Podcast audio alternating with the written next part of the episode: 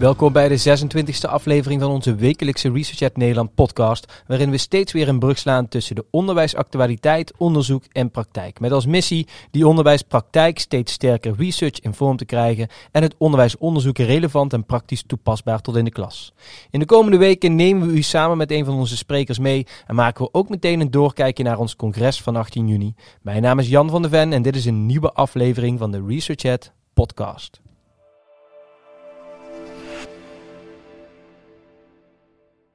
Het komt niet vaak voor dat ik aan deze tafel mag aanschuiven tegenover een buurvrouw. En vandaag gebeurt dat voor het eerst. Deze Venrijse werkt sinds 2008 als leerkracht in het basisonderwijs. En op dit moment begeleidt ze de ondersteuningsklas passend onderwijs bij basisschool De Vuurvogel in Helmond. En zet ze haar onderwijsexpertise onder andere ook in voor onderwijs in ontwikkelingslanden. Ze is uitgeroepen tot leraar van het jaar in 2016 en was Global Teacher Prize finalist in 2019, waarbij ze verder kwam dan welke Nederlandse leerkracht daarvoor of daarna. Daarnaast is ze onder meer columnist voor het tijdschrift De Nieuwe Leraar en raadslid bij de Onderwijsraad, Daisy Mertes.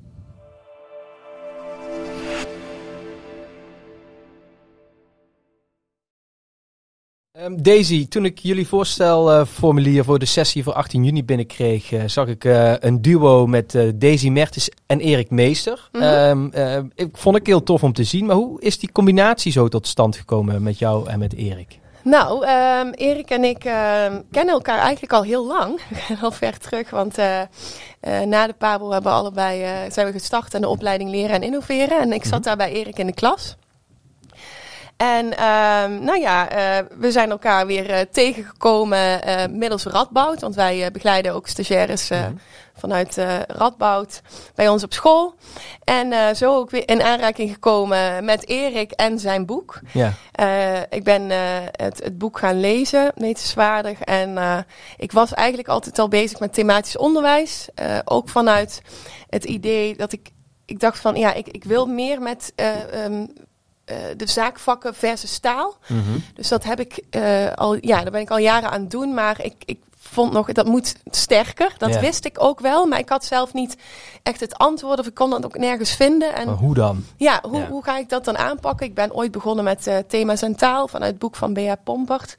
En ja, ook wel altijd die zoektocht ben ik blijven houden. Ik heb altijd thematisch gewerkt en dit dacht ik van ja, dit is zo'n verrijking op wat ik al doe. Mm -hmm. En uh, nou ja, toen Erik en ik elkaar spraken ook over uh, uh, de begeleiding van de stagiaires. Um, nou, kregen we het daarover en zijn we eigenlijk samen gaan werken.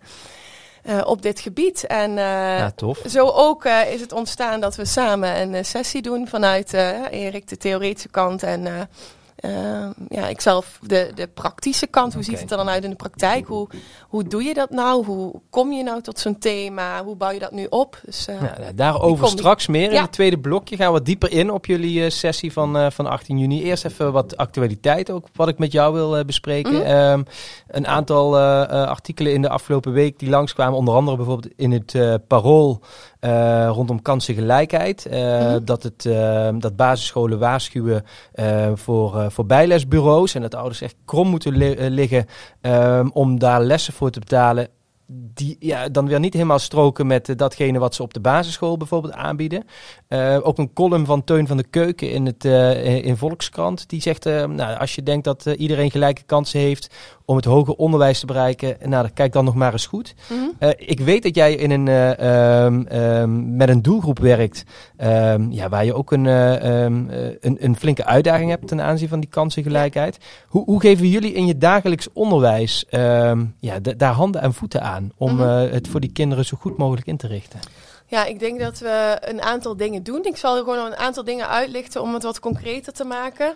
Uh, uh, de samenwerking die we opzoeken met andere instanties, denk ik echt uh, helpend voor ons. Mm -hmm. uh, soms als het gaat om de taalontwikkeling van het jonge kind, hè, dan, dan heb je natuurlijk een basis geleerd in de Pabo en je blijft jezelf, als het goed is, onderhouden door veel theorie te lezen. Maar je hebt ook experts die je no daar nog bij kunnen helpen. Zo hebben we bijvoorbeeld ook een orthopedagoge bij ons op school, uh, maar ook een intensieve samenwerking met logopedisten. Dus van, hè, als we met een vraag zitten van hoe hoe pak ik dat nou aan? Wat, wat is deze problematiek? Hè? Uh, Wat houdt dat in? Um, en, en met de vraag of, of zij ook handvatten hebben. Uh, een collega is zelfs samen met die logopedist die is gaan kijken, ook in de klas.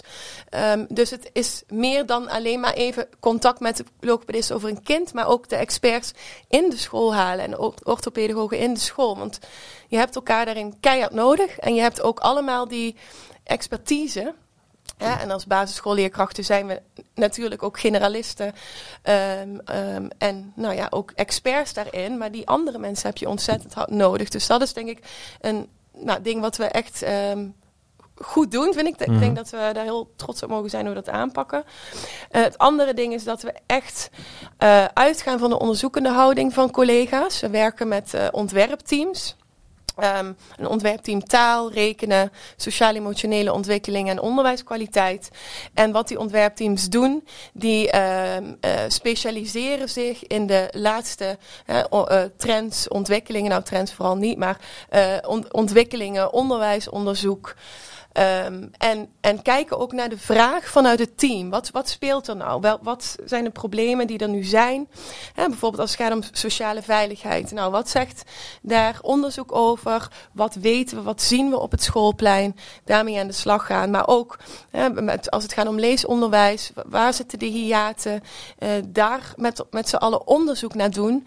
Een goede analyse maken van die hiaten. Want we zijn ook denk ik vaak gewend als leerkrachten om, nou ja, uh, snel keuzes te maken. Mhm. En dat moet ook hè, in, in de dagelijkse praktijk. Maar je, je moet in je rugzak moet je die onderbouwing ook hebben. En als ontwerpteam kun je dus die keuzes uh, nou, goed onderbouwd ook um, implementeren in je schoolorganisatie. Mhm. Dus ik, en, en op basis daarvan uh, vergroot je in ieder geval de kans omdat je zo goed, uh, of je, hebt, je zorgt gewoon voor goed onderwijs en het beste onderwijs op dat moment uh, met al die inzichten. Dus nou ja, naast ze met experts veel werken, ook experts binnen de organisatie, echt vanuit een onderzoekende houding. En een ander heel praktisch voorbeeld is um, um, de advisering van, uh, van groep 8. Uh, die doen we echt met, uh, met meerdere collega's. Collega's die de leerlingen in de klas hebben gehad. maar ook collega's die de leerlingen niet in de klas hebben gehad. Dus echt wel met een frisse blik. Ja. en dan hebben we een, een schema. We noemen dat dan een kruisschema. En dan nemen we daarin de resultaten mee van meerdere jaren. Um, en dan hebben we zo'n adviseringsmoment. We krijgen van tevoren al die kruisjeschema's toegestuurd. En um, je maakt eigenlijk individueel, um, kijk je naar die resultaten. En uh, geef je aan, oké, dit, zou ik adviseren. Nou, dan komt dat bij elkaar. Waardoor je toch een meer uh, objectievere blik hebt als dat je dat alleen zou doen uh, als leerkracht van groep 8 plus de IB'er die de leerling al jaren heeft begeleid. Dus dat een, een wat concreter ding. En um, nou ja, ik, ik, kijk, het, het is en blijft mensenwerk natuurlijk ook. Hè, en los van dat resultaatgerichte. Dus mm -hmm. je hebt dan ook collega's die dan zeggen, ja... En, en dat is wel, vind ik juist heel sterk van ons gesprek. Van, oh ja, maar die heeft zo'n goede werkhouding. Of de ouders die, hè, die, die in dat gezin die zijn heel erg helpend of ondersteunend. Maar dan hebben we ook elkaar om te zeggen, ja, maar moeten we dat meenemen? Ja. dus die objectiviteit, die bespreek je in dat gesprek en uh, daar, daar wijs je elkaar dan ook op. Oké, okay, um, ehm, nou gaat het in het bureau ook over um, de steeds groter groeiende uh, aanbod en ook afname van, van onder andere bijlesbureaus. Is dat ook iets wat jullie uh, in Helmond merken? Dat veel kinderen ook naast datgene wat ze op school doen nog ergens zitten om uh, bijgespijkerd te worden of wat dan ook. En um, vervolg daaraan is van uh, hoe je daar als school mee om kan gaan om dat zo goed mogelijk in goede banen te leiden? We merken dat uh, met name wel rondom uh, nou ja, het advies of het pre-advies al in groep 7. Dat ouders dan zoiets hebben van, oh mijn kind heeft voor hun gevoel een te laag advies. We gaan iemand inschakelen. Ik vind dat, ehm, nou procentueel gezien, valt dat ook echt wel mee. Ja. Uh, maar ze communiceren het eigenlijk altijd wel met ons. Dus uh, nou, hoe we daarmee omgaan. Allereerst denk ik dat we onszelf in de spiegel aankijken van wat maakt nou dat die ouder daar naartoe gaat. Uh, ligt dat dan mhm. aan ons? wat hadden, hebben wij hier iets gemist of niet gedaan? En daarnaast gaan we met ouders in gesprek van wat voor soort hulp is het? we hebben wel eens gehoord dat er uh, CITO-boekjes in omloop zijn die dan worden ingevoerd. dat is natuurlijk heel anders dan echt huiswerkbegeleiding, begeleiding bij het huiswerk. Dus wat voor soort hulp is het? En dan, ehm, nou ja, met, met ouders daar echt over in gesprek. En, en we volgen het ook. Dus wat mhm. levert het dan op? Ehm, maar uiteindelijk denk ik ehm, ja, dat, dat het gewoon enorm helpend is als je gewoon jezelf in de spiegel aankijkt op school. Van wat is de reden? En we moeten ons ook bewust zijn van het feit dat het er is. Ik vind het heel erg dat het er moet zijn. Mhm. Ehm, maar we zijn bijvoorbeeld ook op een gegeven moment gaan kijken van kunnen we niet onder ehm, de koepel van school ehm, dat aanbieden. Ja, dus uh, nou geen bijles, maar bijvoorbeeld als het gaat om huiswerkbegeleiding. En, en zodat je dat zelf ook in de hand houdt. En niet dat laat doen door een maatschappelijk werk, maar echt in samenwerking daarmee. Maar dat is dan geen private club. Maar Onder het dak van de school, uh, na schooltijd, uh, zoiets moet ik aan denken dan? Ja, en dan ehm, als het dan gaat om huiswerkbegeleiding, hè, de vraag is dan eerst vooraf nog van, nou ja, uh, hoeveel uh, levert huiswerk nou daadwerkelijk op? Dus dat mhm. zouden we dan eerst moeten gaan onderzoeken. Maar vervolgens, nou als je, we hebben dat namelijk wel eens gehad. En dan um, zonder weinig samenwerking en dan, nou ja, die maatschappelijke organisatie doet het ook zo goed als zij, of zij kan. Die zetten daar stagiaires voor in. En dat was één grote dierentuin na school. Nou, op een gegeven moment hebben we gezegd van als, dat, dat willen we ook niet. Uh, maar als je daarin gewoon met elkaar afstemt en je hebt bijvoorbeeld een collega in je team die daar didactisch uh, op zit. Uh, mm-hmm. Voor kinderen die extra herhaling, oefening nodig hebben. Nog meer dan je in de klas al zou doen. Nou ja, dat zou een optie kunnen zijn. Ja, ja, ehm, nu een ander aspect hè, ten aanzien van die kansengelijkheid. Ik schreef daar zelf een column over in didactief. Is mhm. hè, hoe, hoe, kinderen op vierjarige leeftijd eigenlijk je school binnenkomen. Ik maakte daar zelf een karikatuur in uh, met twee verschillende kleuters. Uh, met de ene die uh, blijkbaar alles mee had bij wijze van spreken. En de ander die een heleboel tegen had. Um, hoe, hoe krijgen jullie je kinderen op vierjarige leeftijd binnen en de verschillen? Hoe ga je om met de verschillen waarmee kinderen binnenkomen op vierjarige leeftijd? En is er ook al in dat traject daarvoor, zijn er ook al initiatieven om uh, te kijken hoe, um, ja, hoe je kinderen zo kansrijk mogelijk op vierjarige leeftijd binnen kunt krijgen? Ja, ik, ik denk dat dat gewoon ook een heel complex ding is, eerlijk gezegd. De, veel kinderen die wij binnenkrijgen uh, zijn sowieso kinderen die uh, meer kansen zouden moeten hebben. Um, omdat ze um, nou, later in Nederland zijn komen wonen. Omdat ze thuis de Nederlandse taal niet hebben gesproken. Um, wat eh, zich soms ook uit in gedragsproblematieken. en een stukje cultuur, waar ook al heel veel diversiteit in zit. Uh, dus dat moet je als school dan allemaal meenemen. Mm. Uh, we hebben wel warme overdrachten met de kinderopvang. Maar wat het ook lastig maakt, we hadden daar laatst nog gesprek over met collega's. Ja, die, die mensen bij de kinderopvang, uh, ze, ze hebben ook al een tekort. Um, en als, um, zij, zij werken de hele dag, want zij hebben ook nog uh, BSO vaak. Dus wanneer plan je dan overlegmomenten met elkaar in? Zij vallen onder een andere organisatie dan wij. Dus uh, daar zitten wel heel veel mechanismen in die het niet bevorderen dat je daarin goed met elkaar kan samenwerken zoals ze zouden willen. De samenwerking is er wel, absoluut. Um, maar ja, je, zou dat altijd meer willen. Hè? Dat, dat een, een kleuter uh, leerkracht, een collega van groep 1, 2 is, gaat kijken bij de kinderopvang en vice versa. Nou, dat, dat gebeurt wel, maar dat intensiveren is voor onze kinderen echt wel um, meer nodig. Mm -hmm. En hoe je daar dan mee omgaat met, met die diversiteit. Um, ja, dat is echt een complex vraagstuk. Dat is denk ik één, gewoon zorgen voor het beste onderwijs voor hen. Mm uh, heel goed insteken op de taalontwikkeling van kinderen. Dus daar echt steeds actief mee bezig zijn. Uh, die kinderen daarin volgen. Uh, ja, en, en dan heb je ook wel echt wel expertise nodig op het gebied van taal. En uh, gelukkig hebben we dan zo'n ontwerpteam taal, die we dan ook vragen kunnen stellen van hé, hey, hoe ga ik daarmee om? Um, en hoge verwachtingen hebben, dat blijft.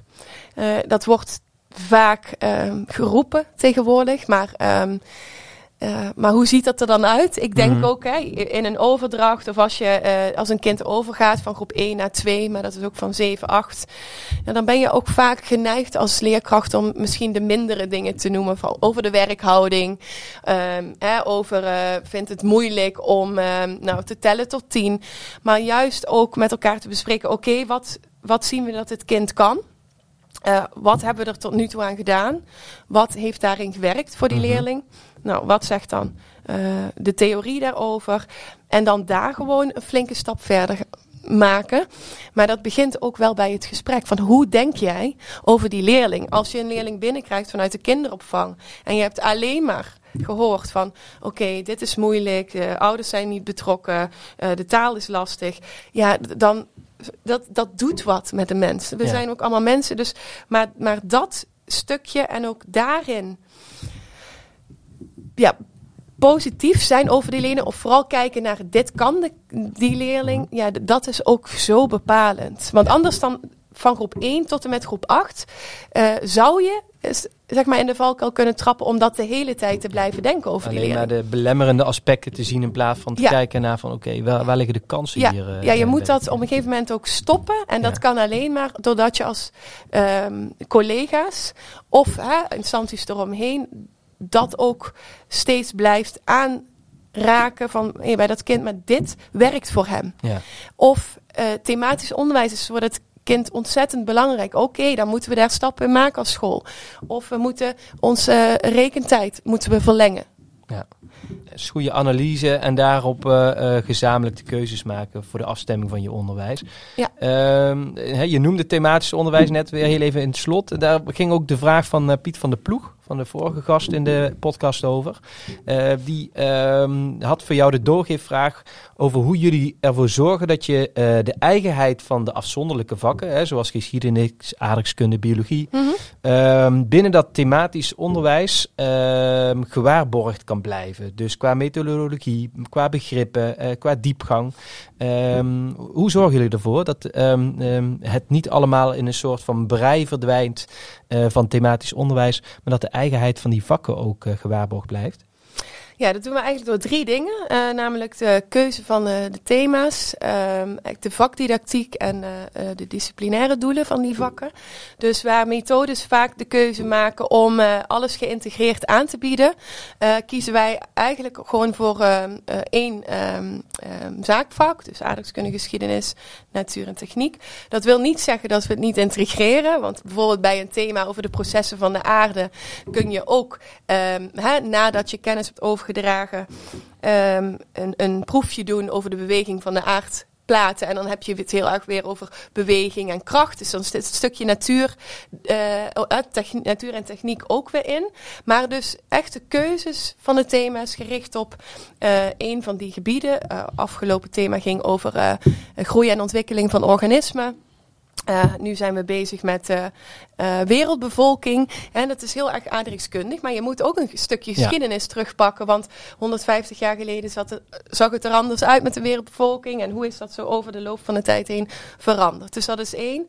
Twee gaat heel erg over de vakdidactiek. Ieder van die um, vakken heeft natuurlijk een eigen didactiek. Bij aardrijkskunde heb je de geografische vierslag. Hè, waarom uh, gebeuren dingen op een bepaalde plek? Uh, dat kunnen verklaren. De gevolgen daarvan voor mensen um, ja, weten en, en kunnen verklaren ook. Nou, bij geschiedenis heb je natuurlijk heel erg het verleden en het heden. Um, nou, hoe heeft dat invloed op elkaar? Dat dingen verklaren. de historie daarbij.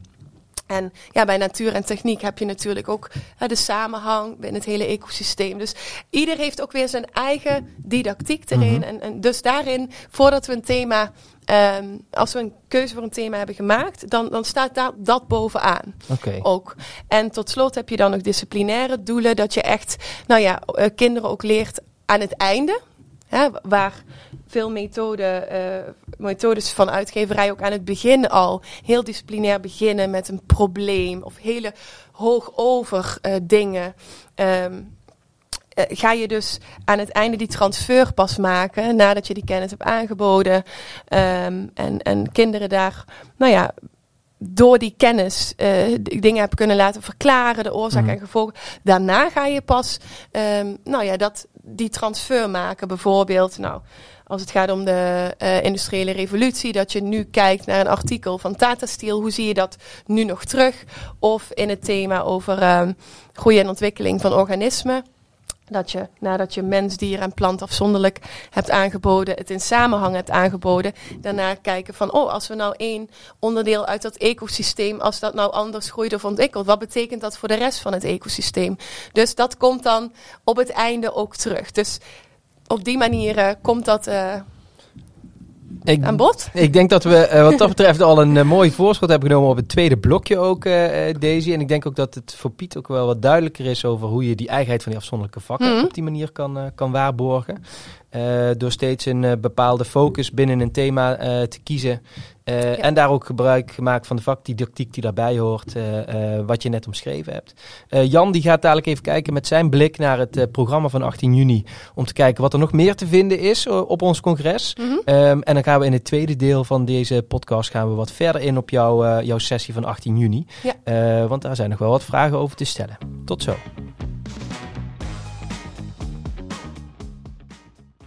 Hallo en welkom bij Tishausers Tip. Wat is het toch een plezier om te luisteren naar de altijd bevlogen Daisy Mettens. Daisy vertelt hoe zij in de praktijk werkt aan gelijke kansen voor alle leerlingen door hoge verwachtingen te koesteren. Het is een belangrijk thema en uiteraard besteden we daar op het ook de nodige aandacht aan. Ik wil graag een aantal sessies hierover onder jullie aandacht brengen. Om te beginnen hebben we Kees Broekhoff, die ons meeneemt naar de brede schoolacademie met bewezen betere kansen voor leerlingen met een taalachterstand. Dan is er Alfons ten Brummelhuis, die ons vertelt over de kennisagenda voor gelijke kansen. En Linda van den Berg leidt ons in in de leidraad onderwijs vanuit hoge verwachtingen van het NRO. Onderwijshoogleraar Louise Elvers schept orde in de conceptuele chaos rondom kansenongelijkheid en neemt vervolgens het Nederlandse onderwijs de maat.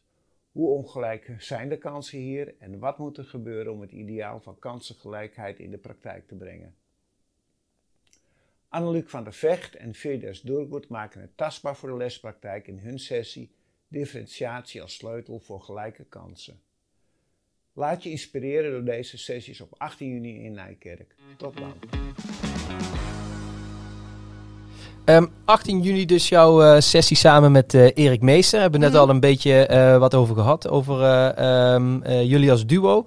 Um, ik ben eigenlijk wel heel erg benieuwd. Hè. Jullie gaan wat vertellen over thematisch onderwijs en hoe je dat in die praktijk doet. En Erik vertelt wat vanuit de theorie. Mm -hmm. ik ben eigenlijk wel heel benieuwd, hoe, hoe, deed je dat tien jaar geleden? Die vakken die nu in het thematisch onderwijs zitten, hoe deed jij dat als leerkracht tien jaar geleden voor je klas? Ja, ik, nou ja, tien jaar geleden startte ik in groep drie. Dus dat was vooral lezen rekenen, spellen. Maar daarna ging ik naar groep 7. En nou, toen begon ik met het werken met de methode. En wat, ja, wat, wat, ik vroeg me echt al snel af van deze teksten. Ze waren zo arm, weinig verbanden, heel makkelijk opgeschreven. En nou ja, vanuit een ontdekvraag. Maar mm -hmm. die kinderen hadden nog helemaal niks aangeboden gehad. misschien in groep 4 over de Romeinen. En dan werd daar weer op doorgegaan. dus heel erg vanuit die ontdekvraag. En ik voelde al heel snel ja, ook aan van ja, dit, dit werkt niet. Ze moeten het meer geïntegreerd, samenhangend aangeboden krijgen. En dan bedoel ik niet samenhangend in de zin van verschillende vakgebieden, maar eh, ook heel erg vanuit voorkennis um, en daarop voortborduren in, in andere leerjaren. Ja. En de methode gaat ervan uit dat dat dan eeuwig blijft hangen. Maar, maar we weten ook uit onderzoek dat dat niet zo is. Uh, en ze moeten daar echt mee ook aan de slag gaan. Dus uh, dat disciplinaire stukje. Um, ook krijgen. En, en, en niet in een andere volgorde. Of, en dat moet steviger. Nou, dus toen ben ik in de middagen, ik had mijn rooster omgegooid. In de middagen ging ik aan de slag met thema's en taal. Dus ik ging door met um, uh, dat zaakvakgedeelte in de middag. En ik koppelde daar dan het talige stuk aan. Want ik weet ook, uh, de kinderen bij ons op school hebben gewoon nou, dat taalbad enorm nodig, woordenschat. En ja, uh, met, sommige methoden bieden nog steeds losse woordenschatlesjes aan. Maar ik wist al, ik, ik moet het integreren, ook op basis van uh, de theorie van verhallen, et cetera. Dus uh, toen deed ik dat in de middagen en toen werkte ik aan projecten met de mhm. leerlingen. Dus nou, ontwerp dat was dan aan het einde van het project. Moesten, ze, moesten de kinderen een gebedshuis ontwerpen voor alle uh, vijfde wereldgodsdiensten. Ze moesten, moesten onderbouwen hoe dat in samenhang, wat de overeenkomsten verschillen waren. Dus zo ben ik eigenlijk begonnen. Ja. Um, en op een gegeven moment wist ik ook van, ja, ja ik, ik zocht de kerndoelen daarbij. Um, maar er zat geen coherente opbouw in. Mhm. En dat miste ik. Nou, toen ging ik weer dingen lezen. Toen kwam er meer coherentie uh, in uh, die, die doelen. Nou ja, en toen las ik het boek van Erik. En toen werd mij dat ook wel echt veel duidelijker. En ook na gesprekken met hem. Van uh, oké, op, op deze manier. Dus je gaat uit van uh, een kennisbasis. Ik gebruik daar bijvoorbeeld de boeken van Noordhof voor basiskennis, aardeskunde, geschiedenis. Um, en, en dat is, ja, is de basiskennis die je wil overbrengen. Um, dan kijk je natuurlijk ook naar de kerndoelen, hè, van hoe, hoe haakt dat dan bij elkaar. En daar zit een opbouw in. Je hebt eerst uh, bepaalde kennis nodig voordat je het andere begrijpt. Ja, ja, ja. kinderen, ik heb um, um, gisteren een les gegeven over uh, uh, dicht en dun bevolkte gebieden in Nederland. En uiteindelijk werken we toe naar de wereldbevolking. Maar je moet eerst weten wat het concept betekent. En, en dus um, en, en ik ben er mezelf vooral ook heel erg veel bewust van geworden hoe um, uh, die curriculumopbouw mm eruit ziet. Waar je als startende leerkracht, ik als 20-jarige ervan uitging, de methode, die heeft daar goed over nagedacht, mm -hmm. uh, ben ik nu heel kritisch en, en krap mezelf uh, vaak ook achter de oren als ik dan die methode lees. En ja, dan ik ben er gewoon nu achter gekomen, die methode Um, die heeft dat toch niet zo goed uitgedacht. Nee, nee, dus ook veel meer zelf achter het stuur gaan zitten van datgene wat je wil aanbieden in je klas, vanuit een kerndoel uh, gedachte.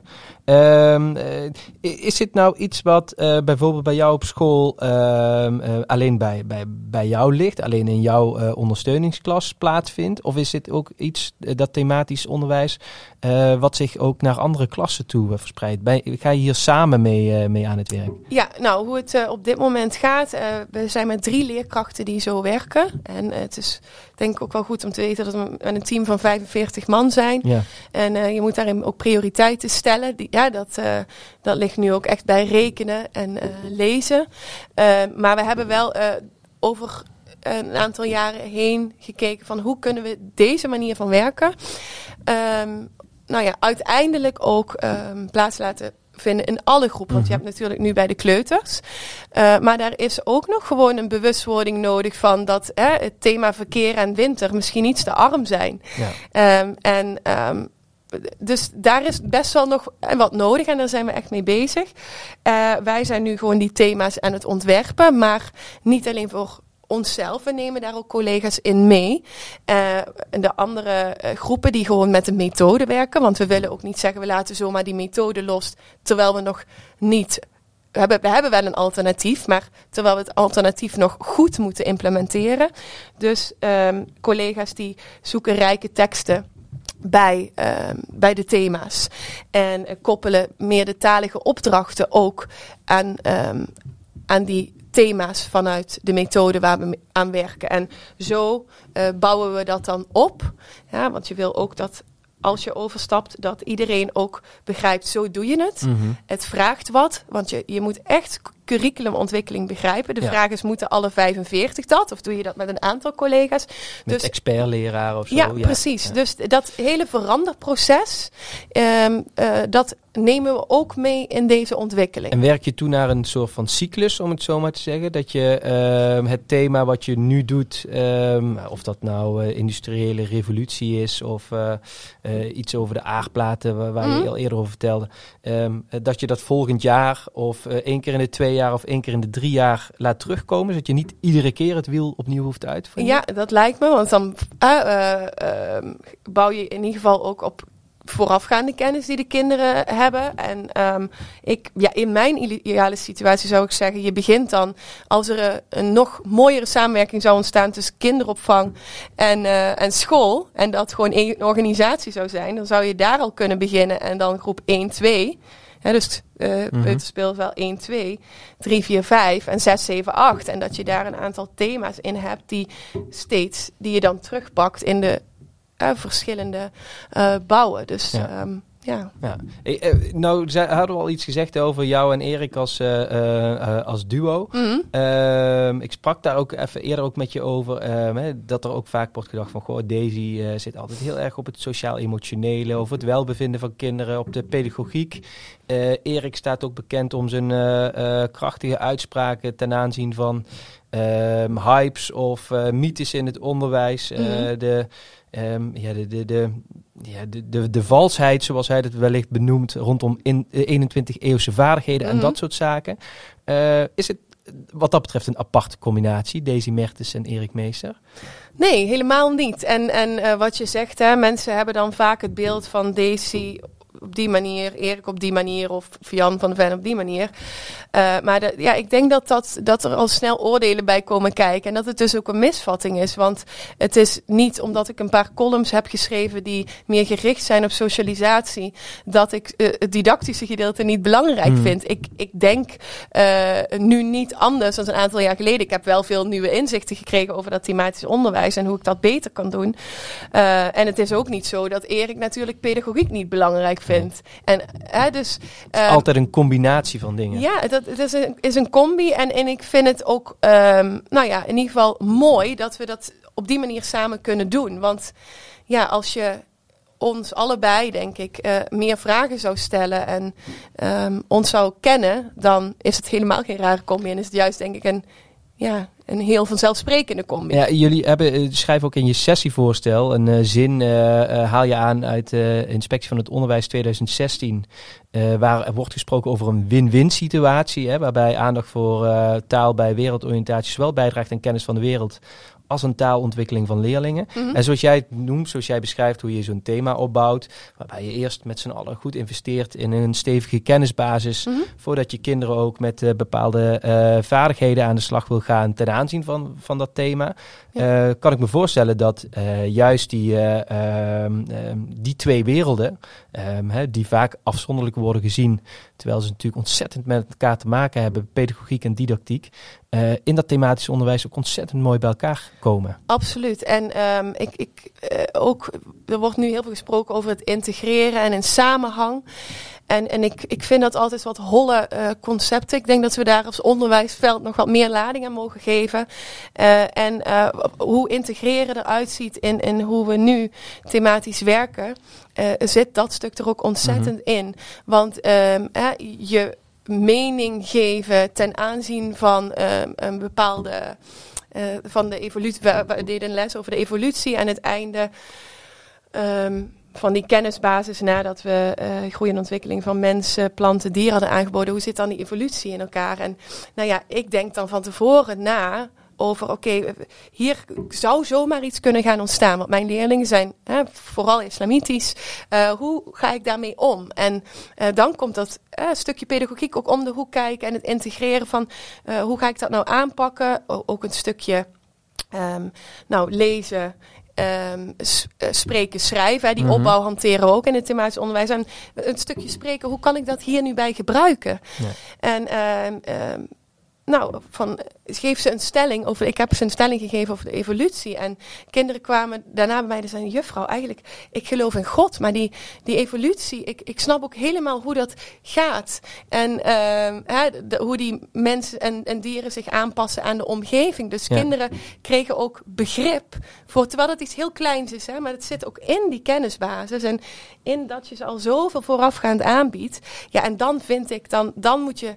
Um, als leerkracht um, tactisch, um, uh, strategisch uh, dat soort dingen aanvliegen. En ja, dat, dat vraagt ook wel overdenking. Ja. En niet alleen ik uh, zelf, maar ik, ik spar dan met mijn collega's erover. En dan kom je samen met, oh ja, dus zo kunnen we dat ik kan me, op die manier doen. Ik kan me ook voorstellen, uh, de vorige podcast met Piet van der Ploeg ging heel erg over uh, burgerschap en burgerschapsonderwijs. Hoe dat mm -hmm. in de wet is vastgelegd. En het, uh, de weken daarna zag ik ook een, ehm, een bericht over onderwijsinspectie hè, bij het opstellen van nieuwe scholen. Dat een heleboel scholen zijn afgewezen vanwege het gebrek, zo werd het dan in het NOS-artikel genoemd, aan een methode of aan een lesboek over burgerschap. Dus wat mij betreft echt mhm. een soort van schrikbeeld dat we straks het vak burgerschap op het, op het rooster krijgen in het basisonderwijs. Maar als ik jou zo beluister, ook wat je nou zegt over e-, evolutie en hoe dat bij jouw doelgroep leerlingen valt en de gesprekken die je daarover hebt.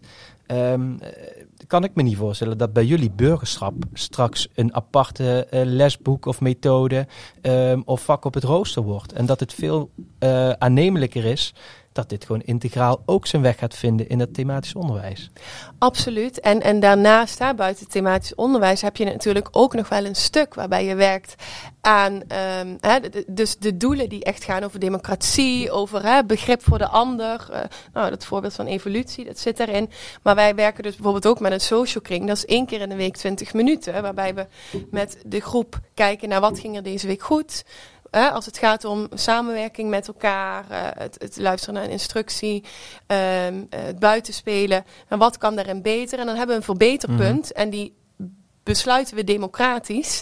dus dit, dit zit daar ook zo ontzettend in. En dat verbeterpunt evalueren we. We geven elkaar complimenten aan het einde van zo'n kring. Dus wij hebben gekozen voor een aanpak. Um, en um, buiten hebben we, doen we dat met conflicthantering, hè, de, vanuit het groepsdynamisch onderwijs. Dus het is meer een aanpak en dat je bewust bezig bent met hoe en hebt nagedacht over hoe geven wij, hoe werken wij aan burgerschap? En bij ons is het gewoon super belangrijk om de norm te zetten. We hebben, we hebben een mhm. groepsnorm, dat doen we door middel van die social kring. Maar ja, daarin. Um, dat de kinderen ook ervaren van dit is de norm zoals we hem samen afspreken.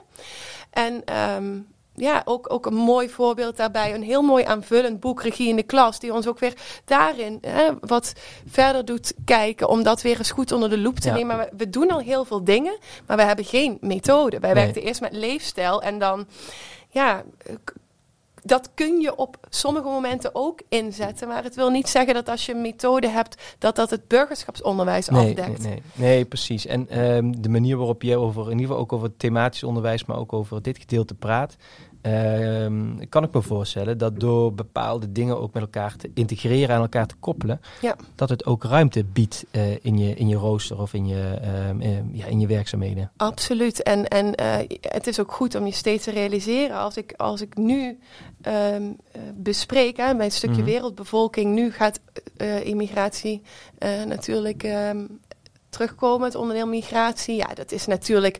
Uh, alle alarmbellen gaan bij mij dan ja. van hè, vooraf, als ik die kennisbasis zie. Van ja, dit is weer zo'n mooi moment. Hier moet ik gebruik van maken. Hier moet ja. ik dit goed aanvliegen, goed wegzetten. En dat is dan binnen het thema en binnen de kennisbasis. Ja. Maar vervolgens ook de, de um, toepassingsopdrachten die ik daaraan koppel. Of een stukje debat of uh, daar iets over schrijven. Nou, maar pas wel aan het einde van het thema. Want dan hebben ze ook die kennis van hoe zijn die ja. migratiestromen, et cetera. En dan, dan kun je dat ook pas goed verklaren. Dan kin, kunnen de kinderen ook echt pas de transfer maken naar mm-hmm. wat betekent dit nou als het gaat om migratie. Als we kijken over al die jaren heen, hoe dat in Nederland, Europa en de wereld zich heeft ontwikkeld, veranderd, ja. de problematieken die er zijn. Uh, nu weet ik dat uh, er heel veel scholen zijn die ook met, op deze manier met hun uh, thematisch onderwijs aan de slag zijn. Hè. Ik heb tien jaar geleden zelf op een school in Vielingsbeek gewerkt, waar we ook op een gegeven moment alle methodes ehm, de deur uit, bij wijze van spreken, ten aanzien van rekenen, of van geschiedenis, aardrijkskunde, biologie, dat soort zaken, om ons eigen thema onderwijs op te, op te zetten. Ik heb ook wel het idee dat er heel veel um, um, het wiel opnieuw wordt uitgevonden ten aanzien van dat. Zou het ook niet helpen om daar landelijk wat meer um, iets van een database of in op te bouwen, dat scholen die hier ook mee aan de slag willen, niet op nul hoeven te beginnen en veel meer gebruik te kunnen maken van elkaars expertise en uh, ervaring op dit gebied?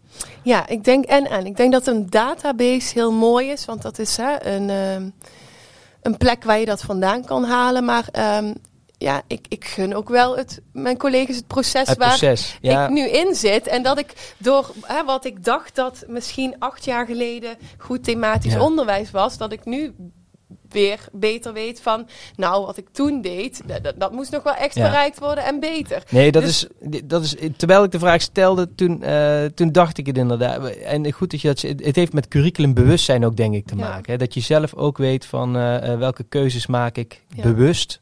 in dat curriculum. Ja, het is goed dat je dat aangeeft. En, en dan zou het fijn zijn, hè, want het, scheelt, het kost ook heel veel tijd. Uh, maar goed, ja, um, we, we, krijgen er ook een gedeelte tijd voor, dus mhm. dat is ook enorm helpend. Maar als je dan op een gegeven moment wel uh, gebruik kan maken van. Maar wat bijvoorbeeld nu zie, je hebt hele uh, Facebookgroepen over close reading lessen. En dat vraagt beoordelingsvermogen van leraren. En kijk, je, je kan dan horen, close reading is het, het nieuwe, ja. de nieuwe beste aanpak. Maar de vraag al, moet je altijd stellen van, oké, Hè, die kunnen we kiezen, maar je hebt ook nog leesstrategieën. Ja, ja, en dan zie ik lessen soms voorbij komen. En dan denk ik echt fantastisch dat mensen daar tijd in steken en dat met elkaar willen delen. Dus uh, het idee is heel goed van het delen van, en van en met elkaar dat, dat opzetten. Maar als ik de inhoud zie van de lessen, dan denk ik van. Dan ga je weer iets in het onderwijs werpen. Wat eigenlijk helemaal niet zo bedoeld is. Want als je close reading, het boek goed leest en, en je kent het, uh, en je hebt het ervaren zoals het hoort, dan kan je inschatten en beoordelen van, maar die les, die heeft echt nog een upgrade nodig. Dus dat moet, dus parallel aan dat er platforms zijn waarop dat gedeeld wordt, heb je als leerkracht, en, en dat heb ik ook niet in een PABO geleerd. Pas later bij leren en innoveren ontzettend. Van, je moet gewoon goed kunnen inschatten wat je zegt. Je moet kunnen beoordelen. En je moet kunnen analyseren. En vaak stappen we over al die processen heen. En dan denken we, oh ja, maar zo moet het. Ja, copy-paste werkt zelden. En, en wat betreft tijd begrijp ik het. Ja. Ehm, maar wat ik nog wel daarover wil zeggen, van ik denk dat we daarin wel het heft in eigen handen zouden moeten nemen als leerkrachten of curriculumontwikkelaars mhm. of wie dan ook. Want als je kijkt ook naar methoden, Ehm, hoe het nu is ingericht en ook hoe de recent ontwikkelde methodes daarin, dan vraag ik me af of we daaruit kunnen gaan halen. Ja. Uh, en um, um, de vercommercialisering, zeg maar, hè? Ja, ja, ik snap uh, Daarin uh, dat, ja, je, je, moet daarin zelf echt als leerkracht ja, regie houden. Ja. Want anders dan ga je die methode weer doen en ja, die methodemakers die baseren hun keuzes ook wel op kerndoelen, maar ook op hun ja, eigen verdienmodel. Ja. nee, en ja, daar kunnen we nog een aparte podcast over mm. maken wat dat betreft. Het blijft e-, enigszins pionieren. Um, volgende week heb ik nog zo'n pionier in mijn uh, uh, studio, uh, Eline van Halem, die wat komt vertellen um, over onderwijs en nieuwkomers. Ja. welke doorgeefvraag zou ik haar mogen stellen vanuit jou, Daisy? Uh, nou, ik heb zelf uh, ook uh, de eerste twee jaar gewerkt met nieuwkomers. Met kinderen echt vers in Nederland, zeg maar. En um, nou, veel dingen die, die er besproken worden in de sessie, denk ik van, oh, daar, daar zou ook mijn vraag zitten bij die differentiatie. Maar waar ik heel erg toen tegenaan liep is, hoe volg je die kinderen? hoe meet je wat wanneer. Hè, want je hebt natuurlijk een stukje technische vaardigheden, mhm. technisch lezen, rekenen en zo. Maar um, ja, ook die talige kant. Mhm. dat, dat gedeelte spreken, luisteren. Hoe doe je dat dan precies? Ja, hoe kun je dat goed monitoren en je onderwijs daar goed op afstemmen? Ja, het is natuurlijk wat minder in een reguliere um, um, leerling-volgsystematiek dan dat we uh, kennen in het regulier onderwijs. Klopt, en je wil dat toch doen, want ja. ja. daar moet je dan toch ook weer je, je beslissingen voor ja. nemen. Dat ga ik uh, meenemen volgende week naar uh, Edine Daisy. jij hebt super bedankt voor je aanwezigheid vandaag. Graag gedaan. En tot 18 juni in Nijkerk. Tot 18 juni. in de volgende aflevering Research Chat podcast Eline van Halem hier te gast. Dank voor het luisteren. Tot de volgende week. En mocht je nog geen ticket hebben, er zijn nog enkele tickets beschikbaar op www.researchat.eu.